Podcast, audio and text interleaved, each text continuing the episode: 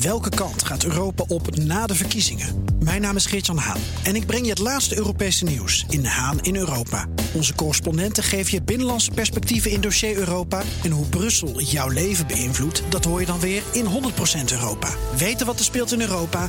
Luister naar de programma's van BNR. De column van Paul Lasseur. Het College voor de Rechten van de Mens kwam weer in actie vorige week. Dit keer met alarmerende uitkomsten van een onderzoek naar leeftijdsdiscriminatie in vacatures. Volgens de discriminatiewaakhond komt dat namelijk regelmatig voor. Vorig jaar nog werd in 60.000 personeelsadvertenties gediscrimineerd op leeftijd. Het college komt tot die schatting na onderzoek van 1,8 miljoen online vacatures. Dus je zou ook kunnen zeggen dat het per saldo reuze meevalt met die leeftijdsdiscriminatie in ons land. Zelfs als dit nog maar het topje van de ijsberg is, vond ik het eigenlijk wel een heel nette score. Het bedrijfsleven verdient een groot compliment voor het zorgvuldig naleven van een volstrekt onzinnige maatregel. Maar het is verboden. Mag niet, we zouden het niet meer doen. En dan is elk geval van discriminatie naar leeftijd er één te veel natuurlijk.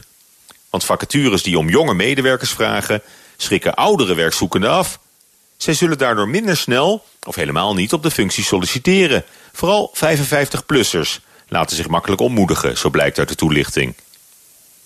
Maar wat nu als een onderneming gewoon geen oudere medewerker wil hebben voor een functie? Dan is het toch wel zo eerlijk om dat gewoon op te schrijven in de vacature? Ik zie daar niks crimineels in, integendeel, wel zo netjes. Maar nee hoor, een jonge hond zoeken voor de versterking van het team... of een leergierige schoolverlater van maximaal 23 jaar... het zijn foute teksten, pure discriminatie. Want, zegt het College voor de Rechten van de Mens... bij de beslissing om te solliciteren weegt een leeftijdseis in de vacature zwaarder dan salaris, reistijd en type contract bij elkaar. En oudere werkzoekenden hebben het al zo moeilijk op de arbeidsmarkt. Ze zijn vaker langdurig werkloos en hebben een kleinere kans op het vinden van een baan. Dat wil ik best geloven. En ik gun elke oudere een topfunctie. Alleen gaat censuur van vacatureteksten daar niet voor zorgen. Net zo min als anoniem solliciteren. Waarbij een energieke grijsaard zijn leeftijd gewoon verzwijgt wanneer hij opgaat voor een bijbaantje als vakkenvuller bij de Albert Heijn. Bij het eerste gesprek valt hij alsnog keihard door de mand. Want de baan is en blijft voor een jongere bestemd. Wat je verder ook opschrijft in de vacature.